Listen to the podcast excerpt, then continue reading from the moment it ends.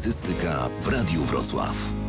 Leczenie obywateli Ukrainy. Na Dolnym Śląsku jest ich około 100 tysięcy, prawie połowa we Wrocławiu. Są widoczni właściwie wszędzie, na ulicach, uczelniach, w sklepach, w zakładach usługowych. W ubiegłym roku do Urzędu Wojewódzkiego wpłynęło około 20 tysięcy wniosków o pozwolenie na pracę.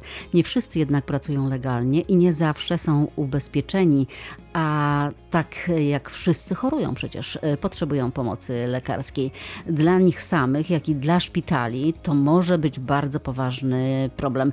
O tym, jak ten kłopot wygląda w jednym ze szpitali przy Borowskiej we Wrocławiu rozmawiałam z Iwoną Drelichowską. W porównaniu do tamtego roku mogę powiedzieć, że faktycznie tych pacjentów dużo e, więcej do nas się zgłasza. Przede wszystkim są to pacjenci, którzy są pacjentami przyjmowanymi w trybie nagłym przez SOR.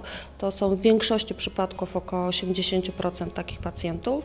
W trybie planowym tych pacjentów jest bardzo mało. To są pacjenci, e, którzy wymagają szczególnej opieki e, i którzy są pacjentami indywidualnymi z bardzo skomplikowanymi schorzeniami. Są ubezpieczeni? Ci pacjenci niestety nie są ubezpieczeni, ponieważ w większości przypadków nie mają statusu e, uchodźców, chyba że są to e, osoby, które są zatrudnione legalnie u nas w Polsce e, i wtedy, jeżeli są legalnie zatrudnieni, mają takie ubezpieczenie.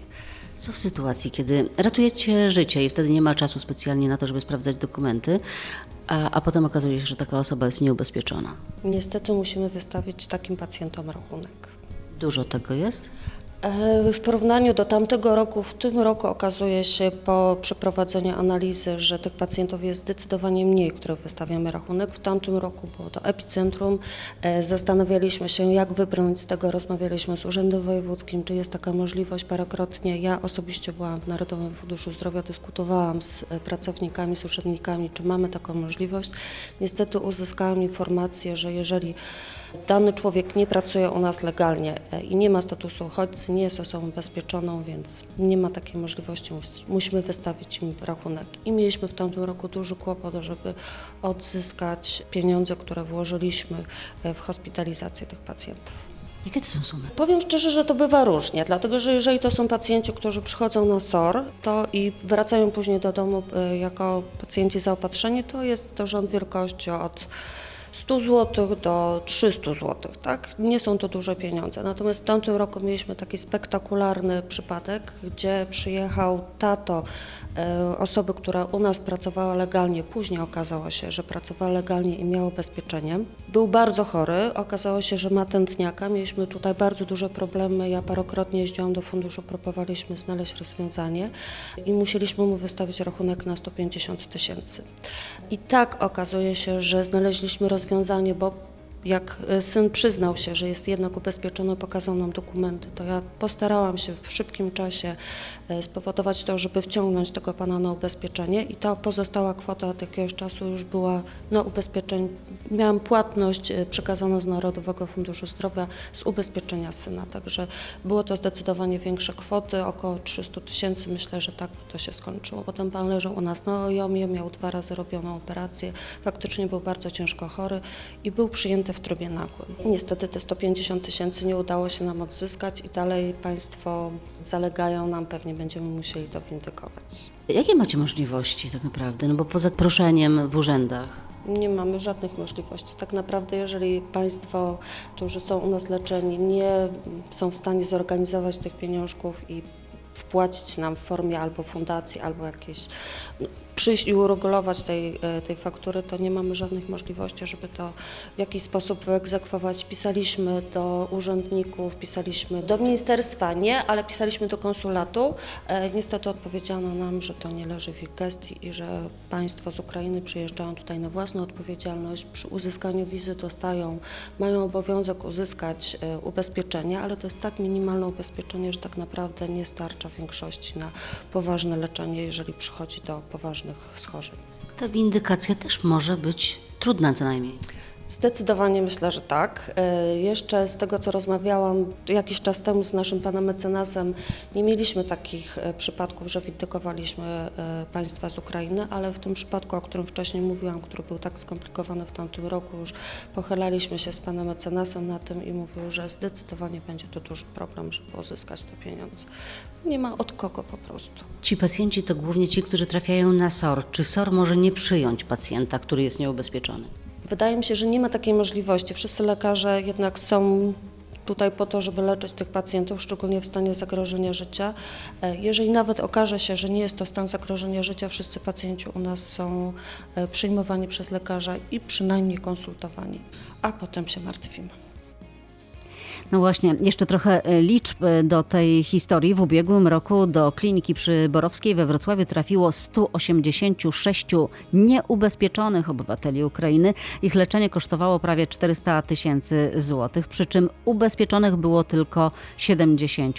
Pozostali dostali faktury, których na razie nikt nie opłacił. Dla szpitala to ogromny problem, ale też z drugiej strony są też dramatyczne sytuacje, gdy chodzi o ludzkie życie, a pomoc jest na wyciągnięcie ręki. Publicystyka w Radiu Wrocław. W studiu Agnieszka Aleksandrowicz, szefowa Fundacji na Ratunek Dzieciom z Chorobą Nowotworową. Właśnie macie pod opieką 19-letnią Jelizawietę, e, która na Ukrainie usłyszała, że nie ma dla niej ratunku, a wy próbujecie pomóc. No tak, próbujemy. Elizawieta jest prześliczną, młodą dziewczyną, która właściwie w swoim kraju została skazana na śmierć. Nikt nie dał tam jej cienia nawet nadziei. Natomiast ona sama, e, jej tato i mąż, bo Eliza jest młodziutką e, mężatką, e, postanowili szukać ratunku właśnie za granicą, właśnie w Polsce. Tu do Wrocławia przyjechali. Ale zanim przyjechali, ile lat ona miała, jak zachorowała? No to wszystko wydarzyło się aż dwa lata temu, to bardzo dawno. Najpierw Lizę bolał mm, mocno ząb i przez pół roku była leczona przez stomatologa. On szukał różnych sposobów, żeby mm, tego bólu się pozbyć, aż tu nagle zauważył on i Liza, że na dziąśle pojawiła się y, narośl, duży guz rósł bardzo szybko. E, potem lekarze, no właściwie właśnie nie potem, potem, ale bardzo powoli, bo wszystko to trwało miesiące całe, e, blisko pół roku próbowali y, diagnozować. No w Polsce dzieje się to jednak bardzo szybko. Jest, jest tomograf, jest, jest biopsja, histopatologia, natychmiast wdrażane jest leczenie, a tam przez pół roku roku no, dobierano się jakoś do tej diagnostyki, aż w końcu, kiedy zbadano guza, stwierdzono, że jedyne, co mogą tam zaproponować Lizie, to leczenie paliatywne. Stąd też postanowili mimo wszystko ruszyć w świat. Ale nie proponowano chemioterapii czy usunięcia tego? E, nie, właśnie tylko paliatywną, e, paliatywne leczenie, chemioterapię taką podtrzymującą. To za mało. Ona chce po prostu żyć. Jak trafiła, jak znalazła Wrocław? Oto łańcuszek wielu dobrych serc tak naprawdę e, sprawił, że ona mm, jakoś tutaj znalazła się w naszym mieście, kiedy dowiedzieliśmy się o, o niej i o jej historii, kiedy żeśmy ją poznali. Przecież na co dzień opiekujemy się dziećmi, choć to mężatka, to to tak naprawdę młodziutka, prześlicznej urody dziewczyna o 19 roku życia i postanowiliśmy się nie odwracać i mimo że nie jest Polką i e, nie może być oficjalnie ani, ani praktycznie leczona w przylądku nadziei. E, klinika przyborowskiej zajęła się nią, wyoperowała, usunęło, usunięto Bo ona nie tylko już guz. przeszła operację, tak? Tak, tak. Jest już po operacji guza, wycięciu guza i, i też e, niestety części pod, podniebienia, stąd zmiana w jej, w jej urodzie dość, dość duża. Jest przeszła chemioterapię? Jest w tej chwili leczona. Jest na chemioterapii, która na szczęście daje jakiś pozytywny y, odzew i, i, i ta nadzieja jest duża, że, że, że, będzie, mm, że będzie Liza mogła do zdrowia powrócić. Natomiast no, jest to oczywiście bardzo kosztowne leczenie. No właśnie, i tutaj zaczynają się schody. No tak, my zebraliśmy wśród naszych przyjaciół, darczyńców e, dla Lizy potrzebne pieniądze i już w tej chwili zapłaciliśmy i za operację, i za dotychczasowe leczenie. To za tą pierwszą część Za leczenia. to, co do dziś zostało wykonane, to jest 50 tysięcy złotych to nam się udało. No ale dzisiaj chcielibyśmy prosić wszystkich Państwa o pomoc, ponieważ przed Lizą jeszcze długa droga i tak naprawdę e, dziś możemy szacować, że tylko na ratowanie jej życia potrzeba pewnie około 35-40 tysięcy złotych, bo przecież to i badania obrazowe, chemioterapia, radioterapia, to wszystko ją czeka, a marzylibyśmy również, jeśli da się mm, Lizie dać e, nadzieję na, szczęśliwe, na szczęśliwy powrót do zdrowia, aby tutaj mogła przejść też zabiegi rekonstrukcyjne twarzy, bo to piękna młoda dziewczyna, a, a buzia dziś, no, chcielibyśmy, żeby powróciła do dawnego stanu. To już są w ogóle wielkie pieniądze. Zdjęcia Jelizawiety, tak będę e, Mhm. ją, do niej, o niej mówić, e, to Elżbieta. Tak, tak. To coś, coś blisko Elżbiety, więc dlatego tak mi się też e, może podoba. E, może można zobaczyć te zdjęcia na naszej stronie internetowej. Można też e, poznać jej historię. Wy też na swojej stronie Tak, internetowej oczywiście. opisujecie Na wszystko. www.naratunek.org, na Facebooku, na, na, na naszym profilu Przylądka Nadziei. No, zachęcamy Państwa bardzo, bo choć to dziewczynka z zagranicy, to, to, to kiedy, kiedy trzeba ratować e, życie i kiedy, kiedy trzeba pomóc po prostu w walce o zdrowie, nie patrzymy na narodowość, em, czy też jakiekolwiek historyczne zaszłości, e, bo to nam zarzucano, że zbieramy na ukraińskie dziecko, ale Boże, no przecież trzeba pomagać każdemu, kto tej pomocy potrzebuje. No właśnie, te dzieci z Polski, którymi się opiekuje fundacja na co dzień, one mogą liczyć z jednej strony na leczenie szpitalne, na NFZ, na jakieś środki, które uda się tutaj e, zgromadzić em, w sposób taki oficjalny, bez e, zbędnych czy dodatkowych e, zbiórek. Natomiast e, te dzieci z Ukrainy, rzeczywiście one są w jakiejś wyjątkowej sytuacji, bo coś, co u nas jest dostępne i co jest standardem, Tak, tak. No przede wszystkim w standardzie, tak. tak, to na Ukrainie niekoniecznie. Nie pierwszy raz zresztą chyba się zdarza, że właśnie dzieci z Ukrainy, z naszych sąsiadów, e, zwracają się do Was o pomoc. No tak, tylko w tej chwili mm, tak naprawdę lekarze z Przylądka Nadziei konsultują te dzieci charytatywnie. Przylądek jest e, zbudowany również e, z, ze środków powierzonych z Unii Europejskiej i te dotacje nie pozwalają na komercyjne leczenie.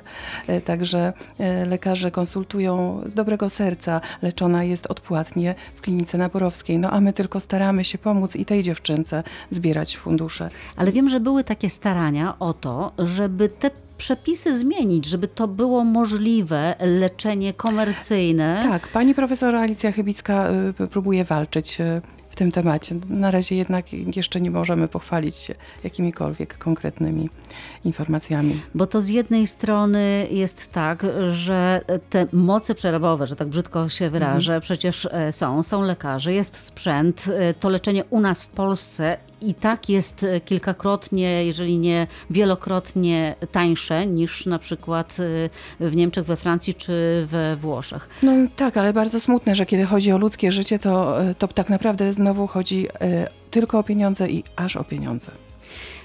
Jeżeli ktoś ma ochotę y, poznać historię Jelizawiety, to zapraszam na stronę internetową naszą albo na stronę internetową e, Fundacji na ratunek dzieciom z chorobą nowotworową. Za chwilę jeszcze kilka słów o tym, co w przylądku i co w y, fundacji. O tym też porozmawiamy. Publicystyka w Radiu Wrocław. Skoro jest Pani tutaj, to nie mogę Pani nie wykorzystać. E, Jesteście słynni, znani z tego, że co chwilę organizujecie jakieś akcje. Zapytam o miśki. Miśki jeszcze macie, było ich 5 tysięcy. Mamy, mamy. Macie. Jeszcze mamy mały zapas, ale za chwileczkę myślę, że, mm, że wykorzystamy je przy, naj, przy najbliższej okazji. Chcieliśmy bardzo rozdawać e, dzieciakom w szpitalu misie z okazji e, walentynek, bo to też em, byłby chyba miły e, prezent dla nich, ale niestety reżim sanitarny, grypa panująca we Wrocławiu nie pozwoliła nam na to, żeby bawić się e, w rozdawnictwo e, pluszowych misiaków. W ten dzień na, wykorzystamy najbliższą okazję. Co chwilę przylądek, dzieci w przylądku odwiedzają jacyś tajemniczy goście. Co jakiś czas słyszymy o tym, że a to Kuba Błaszczykowski niespodziewanie wpadł właśnie, albo Robert Lewandowski już też był, czy jeszcze go nie było u was? My mamy faktycznie, cieszymy się na szczęście mm, jakąś taką falą wspaniałych ludzi, dobrych, zaangażowanych w różne niezwykłe rzeczy. Bywają u nas i sportowcy, i artyści, i wielu ciekawych ludzi, ale to bardzo ważne dla procesu zdrowienia naszych dzieciaków, bo y, każda taka osoba, która przynosi kawałek jakiegoś niezwykłego świata do kliniki y, i budzi radość, emocje, to zawsze są to zdrowe, dobre emocje. Także staramy się, żeby dużo się działo. Fundacja niedługo się przeprowadzi, zdaje się. Ach, my już żeśmy się przeprowadzili, jesteśmy blisko kliniki przy ulicy Ślężnej przez Park Skowroni, to dosłownie 5-6 15-minutowy spacer. Musieliśmy znaleźć e, nową lokalizację, bo kiedy klinika przeniosła się na ulicę Borowską, a my zostaliśmy e, no, przy cmentarzu na, na Bójwida, naszym potopiecznym było do nas bardzo niewygodnie i daleko dojeżdżać. Także cieszymy się, jesteśmy bliziutko i tak naprawdę jedną nogą w klinice Przylądek Nadziei. A jeśli mogę, to chętnie zapowiem nasz doroczny duży projekt, którym jest Koncert Nadziei. W tym roku dopiero w kwietniu 25, ale to wielkie wydarzenie każdego roku e, dla fundacji. Organizujemy wielki koncert charytatywny, który ma absolutnie wyjątkową formułę, bo w pierwszej części koncertu występują e, przedstawiciele, przedstawiciele naszych donatorów, sponsorów, prezentują się w zupełnie niecodziennych dla siebie rolach, bo artystycznych, występują i śpiewają, grają na instrumentach. Jest, e, jest to niezwykła gala wielu wyjątkowych talentów, także można zobaczyć swojego szefa, dyrektora, prezesa, informatyka, panią księgową, naprawdę w niecodziennych mm, rolach scenicznych, a w drugiej części w tym roku no, wspaniała uczta, bo pan Zbyszek Wodecki ze swoim zespołem i z dużą orkiestrą symfoniczną The Film Harmony Orkiestra, także bardzo się cieszymy. W pierwszej części naszym e, sponsorom towarzyszyć będzie Dziubek Band. Dużo dobrej muzyki, dużo energii, no i mamy nadzieję też, że uda nam się zebrać dużo środków finansowych. Bo w poprzednich latach e, jakie to były kwoty? No rok temu przeogromna, 750 tysięcy złotych w, w jeden, jeden wieczór. wieczór. W tak. jeden wieczór. Także Mistrzostwo Świata, a na pewno Polski. Zabiegacie też o 1%. Oczywiście, KRS 86 210, bardzo, bardzo kłaniamy się Państwu i prosimy o wpisywanie tego numeru, bo ten 1%, który tak naprawdę nas, podatników, nie kosztuje nic i trwa tylko moment, wpisywanie numeru KRS ma ogromne znaczenie dla czyjegoś losu, dla czyjegoś życia. Na ulicach Wrocławia, tutaj mam wrażenie, że jesteście jedną z większych, jedną z bardziej e, znanych i prężnie działających fundacji, która może pochwalić się takimi namacalnymi E, efektami swojej działalności. Natomiast e, widzę, e, każdy ma wybór i oczywiście wpłaci tam, gdzie chce, ale że widzę, że jest jakiś wysyp billboardów fundacji, które nie bardzo znam. Naszych? Nie, nie, nie, nie, nie, nie różnych fundacji. A tak, naszych, naszych billboardów jest naprawdę niewiele. Mamy to szczęście, że dostaliśmy ścianę biurowca firmy Impel i tutaj faktycznie... Przyślężnej Tak właśnie, właśnie tak. blisko naszej, tuż pod naszą siedzibą i nieopodal Przylądka Nadziei i faktycznie Impel nam co roku użycza tej ściany, za co bardzo jesteśmy wdzięczni. Tam zawsze wieszamy duży billboard z naszą ambasadorką, panią Martyną Wojciechowską. A to jest taka e, ruchliwa ulica, więc no, tam No mamy nadzieję, że wiele osób widzą. zwraca uwagę uwagę, tak, mimo że, mimo że jeździ e, tam i, jeździ tam bezpiecznie po tej ulicy. E, I mamy też nie, nie, niewiele bardzo tak naprawdę city lightów e, w, w wiatach przystankowych, ale faktycznie dziś organizacje pożytku publicznego, które poszukują przecież finansowania dla realizacji swoich celów statutowych, coraz więcej i mm, reklamują się i używają również do tego billboardów czy, czy outdoorów. Ale zdarzyło się Pani zobaczyć takie fundacje, o których Pani nie słyszała? Tak, oczywiście. No my mamy w Polsce Polsce e, w tej chwili ponad 6 tysięcy organizacji pożytku publicznego, być może nawet y, już trochę więcej. E, staramy się mm, tak działać, aby, no i chyba jesteśmy przekonywujący na szczęście, bo od wielu lat jesteśmy w pierwszej, w pierwszej dziesiątce, jeśli chodzi o ranking zbierania środków z 1%. Bardzo, bardzo się z tego oczywiście pierwszej cieszymy. dziesiątce. Tak, w zeszłym roku ósma pozycja z, z zebranymi blisko 6 milionami złotych. To ogromna kwota pieniędzy, ale też um, patrząc na nasze wydatki, na nasze potrzeby, to tak naprawdę e, chcielibyśmy tych pieniędzy zbierać więcej. Jest ich więcej potrzeba, bo tylko w minionym roku e, mogę mogę powiedzieć, że, e, że wydaliśmy ponad 2 miliony złotych na sprzęt medyczny, który trafił do przylądka, który ma ogromne znaczenie w szybkości diagnozowaniu e, i leczeniu. Udało się kupić wreszcie ten rezonans. Wie pani, że jest rezonans. Oczy pani duże zrobiła. tak, bardzo się cieszę, bo my mamy też w tym swój udział y, i to y, w kwocie 2,5 miliona złotych. Także... Właśnie, ten rezonans, na który tajemniczy darczyńcy mm. wpłacali przecież po milionie. Głośna też, też, sprawa. tak, tak. No to, to jest oczywiście wielki zakup, duże, duże szczęście dla pacjentów y, kliniki przy ulicy Borowskiej. My dołożyliśmy do tego nasze 2,5 miliona. To jest w skali tego zakupu, można powiedzieć, nie taka ogromna kwota, bo to bardzo drogi sprzęt będzie on służył nie tylko dzieciom z przylądka, ale też pacjentom dorosłym. Także Mówi pani cieszymy. będzie, bo rzeczywiście on na razie jest, ale jest no, jeszcze szykowany, nie jeszcze działa. nie działa, tak, jeszcze tak, nie funkcjonuje. Tak, Trzeba tam zbudować e, rzeczywiście dla niego specjalne pomieszczenia, ale właśnie dzięki między innymi fundacji taki zakup udało się zrobić. A y, mówiła pani, że ósme miejsce na tej liście, a kto był pierwszy? Fundacja Zdążyć z Pomocą. Ona zbiera gigantyczne pieniądze, ale też ma ogromną ilość subkont i głównie z tego powodu um, takie, takie pieniądze tam się znajdują. Każdy z nas będzie podejmował decyzję wypełniając SPIT-a, także e, pozostawiamy Ważne, Państwu żeby tam wolny wpisać wybór. ten KRS. Bardzo o żeby to prosimy. wpisać. Pewnie. Zawsze komuś e, można pomóc. Dziękuję najmocniej. Naszym e, gościem była dzisiaj e, szefowa Fundacji na ratunek dzieciom z chorobą nowotworową we Wrocławiu Agnieszka Aleksandrowicz. Dziękuję bardzo. Dobranoc. Publicystyka w Radiu Wrocław. Ja jeszcze nie mówię Państwu dobranoc, jeszcze chwilę, dlatego że przed nami w radiowym oddziale ratunkowym jeszcze kilka tematów. Kolejki na operację usunięcia zaćmy będą krótsze. O tym krótko mówiliśmy w naszych serwisach informacyjnych. Teraz jeszcze kilka słów. NFZ rozdzielił prawie 60 milionów złotych na tego typu zabiegi w całym kraju. Ile trafiło na Dolny Śląsk? O tym rzeczniczka oddziału dolnośląskiego Janna Mierzwińska. 7,5 miliona to y, dodatkowe pieniądze, które Dolnośląski Oddział Wojewódzki otrzymał na sfinansowanie dodatkowych zabiegów usunięcia zaćmy dla pacjentów, którzy dzisiaj czekają w kolejce i są zakwalifikowani do zabiegu jako pacjenci pilni. Pieniądze trafią tam, gdzie są najdłuższe kolejki. E, Na Dolnym Śląsku mamy kilkanaście oddziałów okulistycznych, które robią zabiegi usunięcia zaćmy.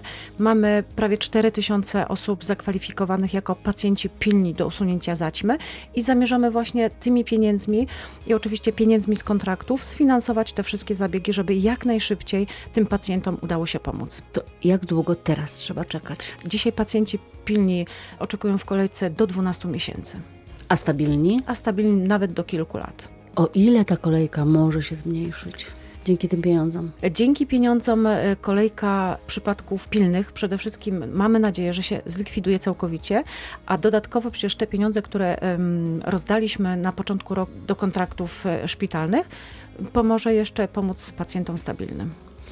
Takim wyjściem jest też leczenie zaćmy za granicą. Dolnoślązacy ciągle korzystają z tego. Na ile korzystają? Korzystają, jest taka możliwość z roku na rok, nawet liczba się e, powiększa, ale nie są to jakieś takie przypadki, które masowo e, umożliwiają wyjeżdżanie pacjentom e, za granicę. Na pewno pacjenci wolą na miejscu, bliżej miejsca zamieszkania.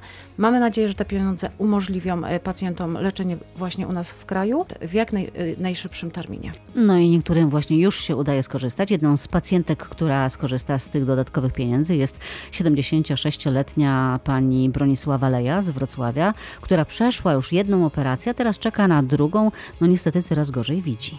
Mam takie, jak to powiedzieć, takie mroczki i, i kółeczka mi się pokazują na lewej. I jak zatkam prawe, to słabo widzę, a to lepiej, no bo to już było robione, a lewe nie. I właśnie przyszłam na lewe. Mroczki się pokazały, bo ja mam cukrzycę i dlatego są postępy chyba. Na 2020 rok dopiero. I teraz mnie nie było, bo byłam na operacji i mąż mówi, że był telefon i masz iść na, e, właśnie na badanie zaćmy. Ja się bardzo ucieszyłam. Kolejka realnie się przyspieszyła. To, to pacjenci też zauważają i jest to termin szybszy niż ten pierwotny, na który pani była wpisana. No przyszłam, to się nie boję, absolutnie. przed pierwszym się pani bała? Bałam się, bo nie wiedziałam, a teraz się nie boję, bo mnie nie, bo, nie bolało. Nie boli, nie.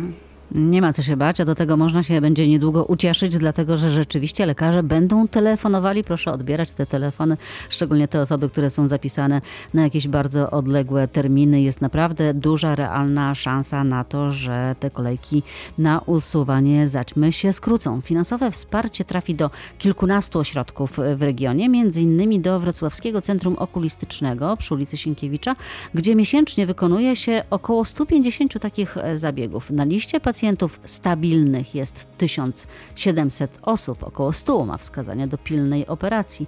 Będziemy ich zawiadamiać o przyspieszeniu, mówi okulista Bartłomiej Markuszewski. Z zabiegów miesięcznie robimy około 100-150 wszystkich i refundowanych przez NFZ i prywatnych, jeżeli chodzi o zaćmy. Natomiast w kolejce osób oczekujących w trybie stabilnym mamy około 1700 osób, w trybie pilnym około 100 osób czekających. Spora ta kolejka.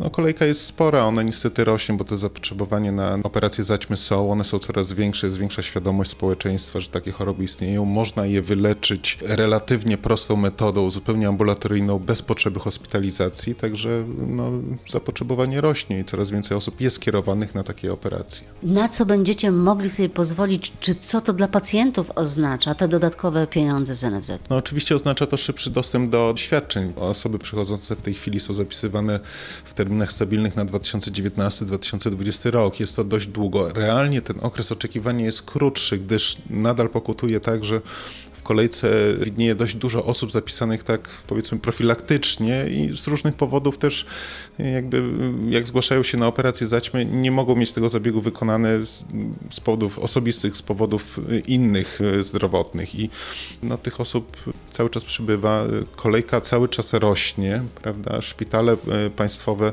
też operują dużą liczbę pacjentów, natomiast utarło się tak w społeczeństwie, że te łatwiejsze operacje te u osób nieobciążonych mocno chorobami ogólnymi mogą wykonać ośrodki ambulatoryjne i one wykonują je w wycenie tańszej niż hospitalizacja. Czasami nie ma wskazań, żeby ten pacjent leżał na oddziale przez kilka dni tylko po to, no, proszę Państwa, my wszyscy za to płacimy, prawda? Jeszcze na razie nie wiadomo dokładnie, ile trafi pieniędzy do Waszego ośrodka, bo NFZ dzieli te pieniądze. Natomiast e, jak już będziecie wiedzieć, e, że macie dodatkowe, jak to będzie wyglądało? Będziecie dzwonić do tych osób z listy? Procedura wygląda tak, że y, jak dostajemy środki, oczywiście my zwiększamy wtedy nasz miesięczny, że tak powiem brzydko, przerób i osoby widniejące w kolejce, no mamy kontakt do nich, odzywamy się najpierw do tej kolejki w trybie pilnym i te osoby prosimy na kwalifikację taką przed zabiegiem, bo my musimy mieć pewność, pewność, że tą osobę w danej chwili możemy y, operować, prawda? I wtedy ta osoba się zgłasza. Zazwyczaj jest zaskoczona tym, że ta kolejka jest przyspieszona, no bo świadomość jest taka, że ta kolejka jest, y, świadomość społeczeństwa jest taka, że ta kolejka jest dłuższa. Będziemy oczywiście planować przyspieszenie tego i mm, zwiększymy nasz, nasz ten plan zabiegowy miesięczny stosownie do, do kwot, które będą przeznaczane. To pierwszy taki duży zastrzyk pieniędzy z NFZ-u na dodatkowe zabiegi, czy już to było? Nie, w zeszłym roku były realizowane oczywiście świadczenia za dodatkowe środki, które pozwoliły na przyspieszenie tego czasu e, oczekiwania. No teraz realnie pacjent powiedzmy około roku, 14-15 miesięcy czeka na tą operację. Natomiast w zeszłym roku była taka sytuacja, że 100 osób w trybie pilnym byliśmy w stanie zoperować szybciej z racji na te dodatkowe, dodatkowe środki przeznaczone przez Narodowy Fundusz Zdrowia. No i jest to z korzyścią oczywiście dla, dla pacjentów. Gdybym była na końcu tej kolejki i nie miałabym wskazania pilnego, a nie chciałabym czekać e, trzech lat, tak mniej więcej, to Ile kosztowałby mnie taki zabieg? Ceny zabiegów e, zaczynają się od kwot około 3000, tak sumarycznie biorąc całą kwotę, bo e, w, części ośrodków ta kwota jest podana bazowa, plus tam potem są dopłaty, prawda? No, kwota od, powiedzmy od 3000 ze standardową soczewką zwijalną asferyczną, od takiej kwoty się zaczyna. Natomiast paletę soczewek mamy ogromną e, i możliwości dostosowania tego projektowanego widzenia po zabiegu koszty idą w górę nawet do 8000 za, za oko, zależnie od typu wszczepu jaki, jaki chcemy użyć i od metody operacyjnej. Część pacjentów, y, która nie chciała czekać w kolejce, y, wybiera się za granicę. Mieszkamy koło granicy, więc to nie jest jakoś daleko. Dużo Wam odpłynęło w ten sposób pacjentów? Rzeczywiście wyjeżdżają? Widzicie to? Zauważamy taki w pewien sposób y, lobby takie stworzone, żeby pacjenci byli operowani za granicą. No, jest to stworzone oczywiście przez, częściowo przez biznes, który, który tym się nakręca. Dużo pacjentów, jest to zauważalny problem, dużo pacjentów wyjechało za granicę. Nas w pewien sposób niepokoi fakt, że te środki, które są przeznaczane na leczenie tych pacjentów, no przecież one mogłyby być zastrzykiem, żeby tych pacjentów leczyć tu. Bez jeżdżenia. Oczywiście, no, samo jeżdżenie nie jest korzyścią dla pacjenta, no bo y, pacjent narażony jest na tą trasę, narażony jest potem na wybranie się na kontrolę, kontroluje zazwyczaj inny lekarz niż operuje i to nie jest nic korzystnego. Już nie mówię o powikłaniach, które niestety się zdarzają, zdarzają się wszędzie. To, to, to nie jest tak, że tylko tam się zdarzają. Natomiast chodzi o to, żeby tego pacjenta otoczyć kompleksową opieką. No niestety tej kompleksowej opieki, jeżeli pacjent jedzie na operację do Czech, on potem jej nie ma, siłą rzeczy i szuka pomocy, jeżeli coś się dzieje, a często jest tak, że trzeba coś tam, jakąś potem laserową terapię zrobić albo, albo y, monitorować to leczenie, no to ten pacjent zostaje bez opieki. Dla nas tym niepokojącym faktem jest to, że środki publiczne, które są przeznaczane, mogłyby być przeznaczane na leczenie w kraju, a nie za granicą. Dlaczego tak się dzieje? Dlaczego jest takie ustawodawstwo? Całe środowisko lekarskie ma tutaj y, duże wątpliwości, że tak no, nie powinno być. Ale póki co jest. W Polsce na operację usunięcia zaćmy czeka ponad 500 tysięcy chorych. Średni czas oczekiwania pacjentów stabilnych to około 4 lat. Ten dodatkowy zastrzyk pieniędzy z NFZ-u, te prawie 60 milionów e, złotych, no to nie rozwiąże wszystkich problemów, ale jednak mimo wszystko jest się z czego cieszyć, bo troszkę chociaż ta kolejka, szczególnie tych pacjentów pilnych, przyspieszy. Publicystyka w Radiu Wrocław.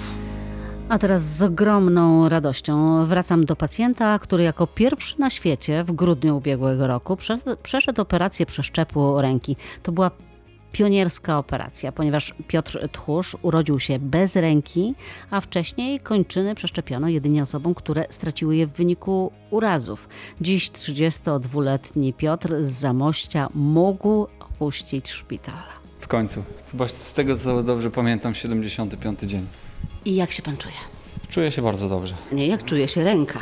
Ręka też czuje się dobrze. Wiadomo, jeszcze długa droga przede mną, bo rehabilitacja, ale jest coraz lepiej. Opuchlizna schodzi, ładnie ręka się goi, rany praktycznie wszystkie pogojone. Palce się ruszają, tutaj w nadgarsku też już jest jakaś ruchomość się pojawia, prądy takiej giełki, jakieś czucie wraca. To na przykład te, te, duży ten paluszek to odpowiada za rolę kciuka. Ja, ja widzę to, czuję, że, że, że, że ruszam tym, chcę na przykład to poruszyć kciukiem, to proszę. Jeszcze jest opuchlizna w miejscu przyszycia, tak? Tak, tak, tak. Znaczy to wie pani, to jeszcze będzie wszystko robiona, będzie plastyka do tego wszystkiego, tylko że po roku. Tutaj takie urządzenie, ręka, co to jest? Szyna. To jest szyna, która powoduje, znaczy y, pomaga ćwiczyć y, zgięcia palców. Zgięcie palców tak w sumie można powiedzieć do pięści. Ile trzeba ćwiczyć? Jak długo trzeba ćwiczyć dziennie, codziennie? Co pół godziny. Co pół godziny, tak 10-15 razy. Ja robię troszeczkę więcej, bo to teraz już mam tyle siły w ręku i y, ręka na tyle się nie męczy, że mogę nawet zrobić do 50 razy. Także jest duża poprawa, widzę to. Zanim ręka będzie całkiem sprawna, to jeszcze może potrwać. Tak, jeszcze parę miesięcy na pewno. Tak to pan sobie wyobrażał? Bo to pana decyzja była, nie musiał pan tego robić. Powiem pani, nie spodziewałem się, że tak długo poleżę, bo to był bardzo e, poważny zabieg. No ale wiadomo, wszystko musi się pogoić, nie? Były takie trudne momenty, bo z tego co wiem, też istniała, zawsze istnieje możliwość odrzutu. Tak, tak, tak. No, przy takich operacjach to jest y, wpisane w ryzyko, można powiedzieć. Także ja byłem tego świadomy, że jakby coś się nie powiodło, to bym stracił y, tego kikuta. Byłoby jeszcze amputowane jeszcze wyżej, nie? Ale wiadomo, trzeba było zaryzykować, opłaciło się na szczęście. Pan tutaj, pan miał tutaj izolatkę, tak? Y, tak, tak, miałem izolatkę. Kto tutaj przychodził do mnie, nie wiem, pielęgniarki czy w ogóle personel, to wszyscy w maseczkach, sterylne warunki. Ja teraz też siedzę jeszcze w maseczce, pani też.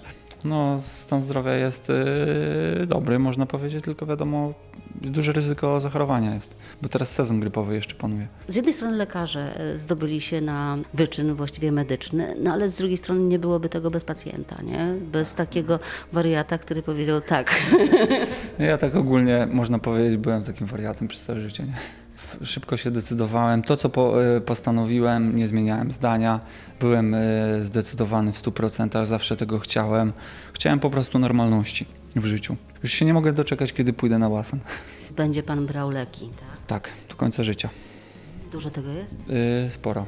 Na początku są jakieś tam te leki, nie wiem, bo biorę leki immunosupresyjne, przeciwodrzutowe i oprócz tego biorę na przykład jakieś przeciwzakrzepo, yy, przeciwzakrzepowe, jakieś tam osłonowe żołądka czy coś. Będę co jakiś czas odrzucał już jakieś leki. Yy, oczywiście te immunosupresyjne do końca życia. To się bierze dwa razy dziennie, 7 rano i 19.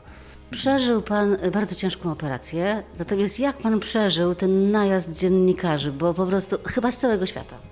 Tak, dokładnie. Powiem Pani, z początku to było takie, nie wiem, bardzo duże nie wiem, zaskoczenie, czy ja wiedziałem o tym, że to będzie pierwsza operacja na, na świecie, tylko nie spodziewałem się takiego dużego zainteresowania. Ale jakoś dała radę. Ale słyszałam, że już pan ingerował w tytuły. Nie zawsze się panu podobało. Tak, bo wie pani, pisali takie głupoty, że no szkoda komentować. Kto takie tytuły wymyślał, to naprawdę nie chcę komentować. Teraz z tego można się tylko pośmiać. Na szczęście zostały sprostowane, ale powiem tak, dostałem zimny prysznic i chyba to było potrzebne. Teraz jestem troszeczkę ostrożniejszy w kontakcie z, z prasą i mediami. Bardzo, bardzo trzymam za pana kciuki, żeby wszystko było dobrze już zawsze. Dziękuję najmocniej wszystkiego dobrego. Dziękuję serdecznie. Piotr dzisiaj pojechał do domu, do Zamościa, ale tutaj we Wrocławiu w szpitalu każdego dnia na duchu podtrzymywało go wujostwo Dorota i Stanisław Nowakowie. tak naprawdę e, jest odważny i to, co zrobił, to, to widać, że jest naprawdę odważny. No. Pewnie zdawał sobie jaką, jakąś tam sprawę, co go czeka, ile bólu, ile wyrzeczeń, ale chyba nie do końca. Może to nawet e, wpłynęło, że szybciej podjął decyzję, bo ja nie wiedziałem, on nie wiedział, e, co będzie, ile bólu i tak dalej. Natomiast e, chęć posiadania podjął decyzję męską. Trzeba mieć naprawdę dużo odwagi, żeby się zdecydować. Kiedyś zastanawiałam się nad tym, y, jaką ja bym podjęła decyzję. I powiem, że nie wiem. Nie wiem, bo jest to bardzo dużo wyrzeczeń, bólu, y, cierpliwości, no i ciągle nie wiadomo co dalej. Bo na dzień dzisiejszy mamy sukces, jak gdyby. Piotrek ma dłoń, e, przeszczep się e, przyjął, e, wszystko jest ok, ale reszta życia jest przed nim. Zobaczymy, jak to dalej pójdzie. Wszyscy mamy jak gdyby taki znak zapytania, co dalej.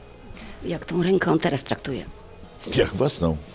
Ja co prawda tej ręki nie dotykałem, dotykałem, witałem się, żegnałem się z nim w niedzielę, Ja ale to, to, to prawą ręką, lewej nie dotykałem. E, Myślę, że powinienem swoją najpierw porządnie zdezynfekować, a dopiero wówczas e, przywitać się e, lewą ręką. Co pewnie tak zrobię.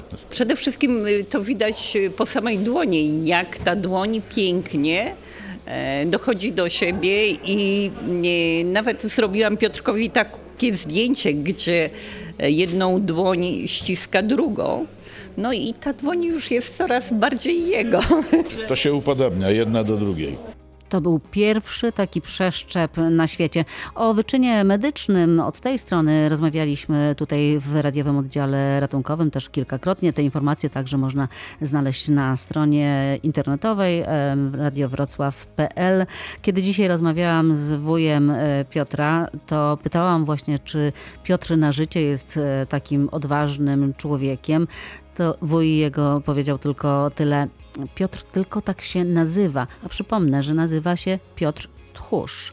Piotr tylko tak się nazywa, a tak naprawdę w życiu jest bardzo odważnym człowiekiem.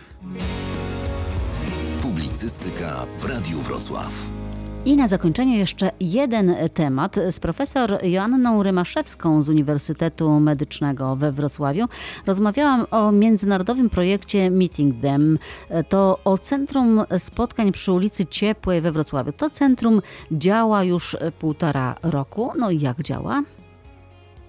Zdecydowanie jest lepiej niż, niż oczekiwałam, niż planowaliśmy. Tak naprawdę bałam się, że w ogóle się nie uda zorganizować takiego centrum zgodnie z założeniami zachodnioeuropejskimi, jak to się mówi. Okazało się, że myślę, że nasze centrum może być wzorem dla innych, Bo bo ludzie.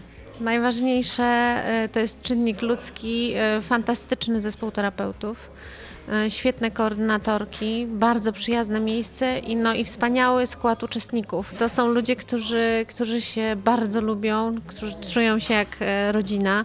Opiekunowie są spokojni, e, spokojnie mogą zajmować się swoimi sprawami. Część opiekunów korzysta na co dzień również z centrum, czyli dobrze się też czują z nami, z terapeutami, e, z uczestnikami. Także wydaje mi się, że ta wartość dodana e, dla Wrocławia i dla Wrocławian jest niesamowita. kto tutaj przychodzi i co tutaj się dzieje przez cały dzień? To jest centrum spotkań dla osób z otępieniem i ich opiekunów.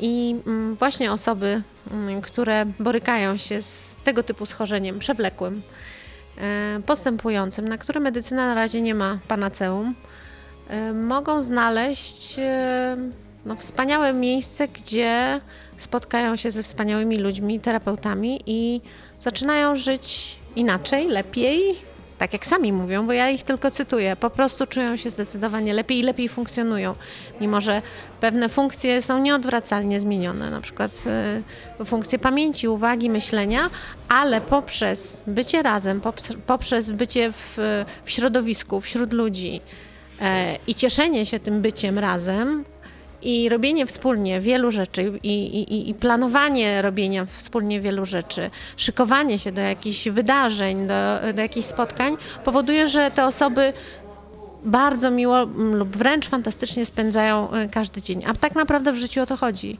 Bo nie zawsze jesteśmy w stanie zwalczyć jakąś chorobę. Czy to jest choroba kręgosłupa, choroba serca, czy choroba ym, mózgu. Tak naprawdę najważniejsze jest to, jak żyjemy na co dzień i jak się z tym czujemy.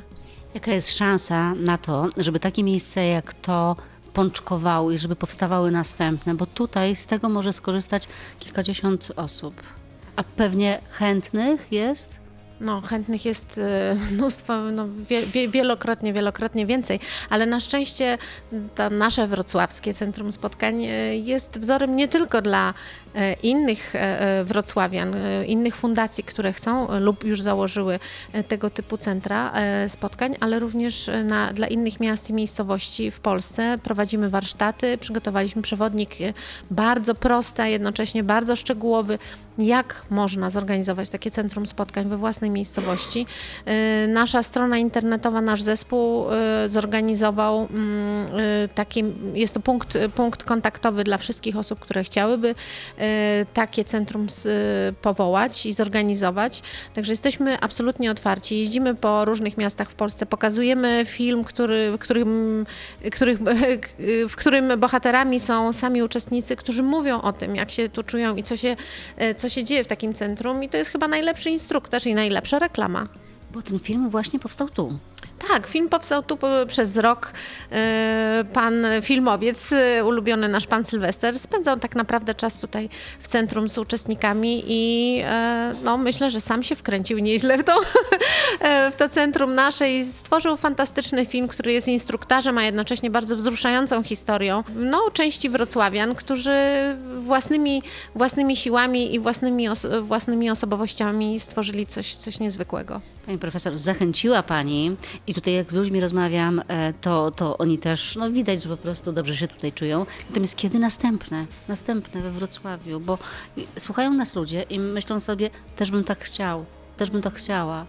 Tak, no szanowni państwo, tak naprawdę to nie tylko e, osoby, które chcą coś zorganizować, ale i no, dobra wola osób, które mogą pomóc, czy to e, e, na, z poziomu urzędu, którym może dać chociażby siedzibę bądź finansowanie, mm, no ale także skrzyknięcie się paru czy parunastu osób, które chciałyby tworzyć takie centra. Na szczęście powstało drugie centrum, nazywa się Dom Pokoleń, przepięknie się nazywa i w przepięknym miejscu przy Kazimierza Wielkiego. Zachęcamy do kontaktu y, z, z tym miejscem. Mamy nadzieję na kolejne mm, centra we Wrocławiu. Nie mogę zdradzić na razie siedziby, bo musimy mieć to e, pewność, że one powstaną, ale y, zapraszamy do kontaktu z nami i będziemy informować na bieżąco. Opole Poznań już otwiera, więc y, tak naprawdę zarówno... E, Stoliki. Na chwilkę, na chwilkę, żeby pogaduchy były. Dobrze? Troszkę po, porozmawiamy i zaraz uporządkujemy. Oddamy. Mamy przyjaźń, mamy z kim pogadać, mamy z kim e, wymienić się e, swoimi problemami i to, co jest też bardzo ważne i muszę to podkreślić, e, oferta jest również dla opiekunów. Odciążenie opiekunów, uzbrojenie ich w wiedzę, w praktyczne wskazówki, umiejętności, w kontakty, gdzie mogą jeszcze szukać pomocy, bo nie oszukujmy się w takim centrum spotkań, jednak nie, nie nie, niedługo, czy nie w nieskończoność można w nim uczestniczyć, bo przychodzi taki moment, kiedy kiedy niestety e, uczestnik musi, e, musi zrezygnować, czy rodzina musi zrezygnować też z tego wsparcia, ponieważ już e, no, poziom, poziom zaawansowania choroby nie pozwala na przyjeżdżanie do takiego centrum spotkań. I wtedy też musimy i rodzinę, i samego uczestnika uzbroić w nowe, w nową wiedzę i w nowe umiejętności, żeby podołać nowym wyzwaniom. Tyle profesor Joanna Rymaszewska, ale najlepiej wiedzą jak jest w centrum spotkań przy Ciepłej ci, którzy z niego korzystają. Bardzo dużo fajnych rzeczy. Bardzo, bardzo, proszę pani. Są różnego rodzaju rozrywki. Tak jak pani to w tej chwili widzi. Proszę pani, jest bardzo fajni ludzie, ponieważ wymaga się od tego, żeby każdy do siebie odnosił się elegancko. Więc y, nie, tutaj jest bardzo fajnie, przyjazna atmosfera domowa. No, jest kółko teatralne, będzie występ 8 marca, będzie poczęstunek 8 marca, będą zaproszenia y, bliskich, y, tam koleżanek, czy znajomych, czy kogoś z rodziny. I co jeszcze?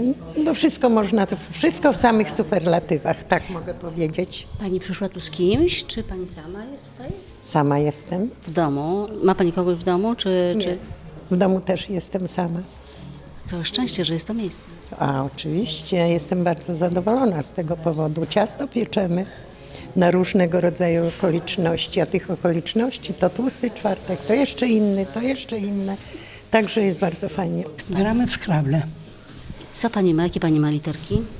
No tutaj mam, muszę z tego, z tego ułożyć tak jak krzyżówkę, żeby się w tę stronę zgadzało i w tę. No bardzo dobrze jest. No i tu bardzo lubimy chodzić, bo mamy tu różne zajęcia, poszanowanie. Mamy taką tych naszych, my jesteśmy podopieczni, tylko naszych tych, to, to są ludzie naprawdę do tego, do tego są stworzeni.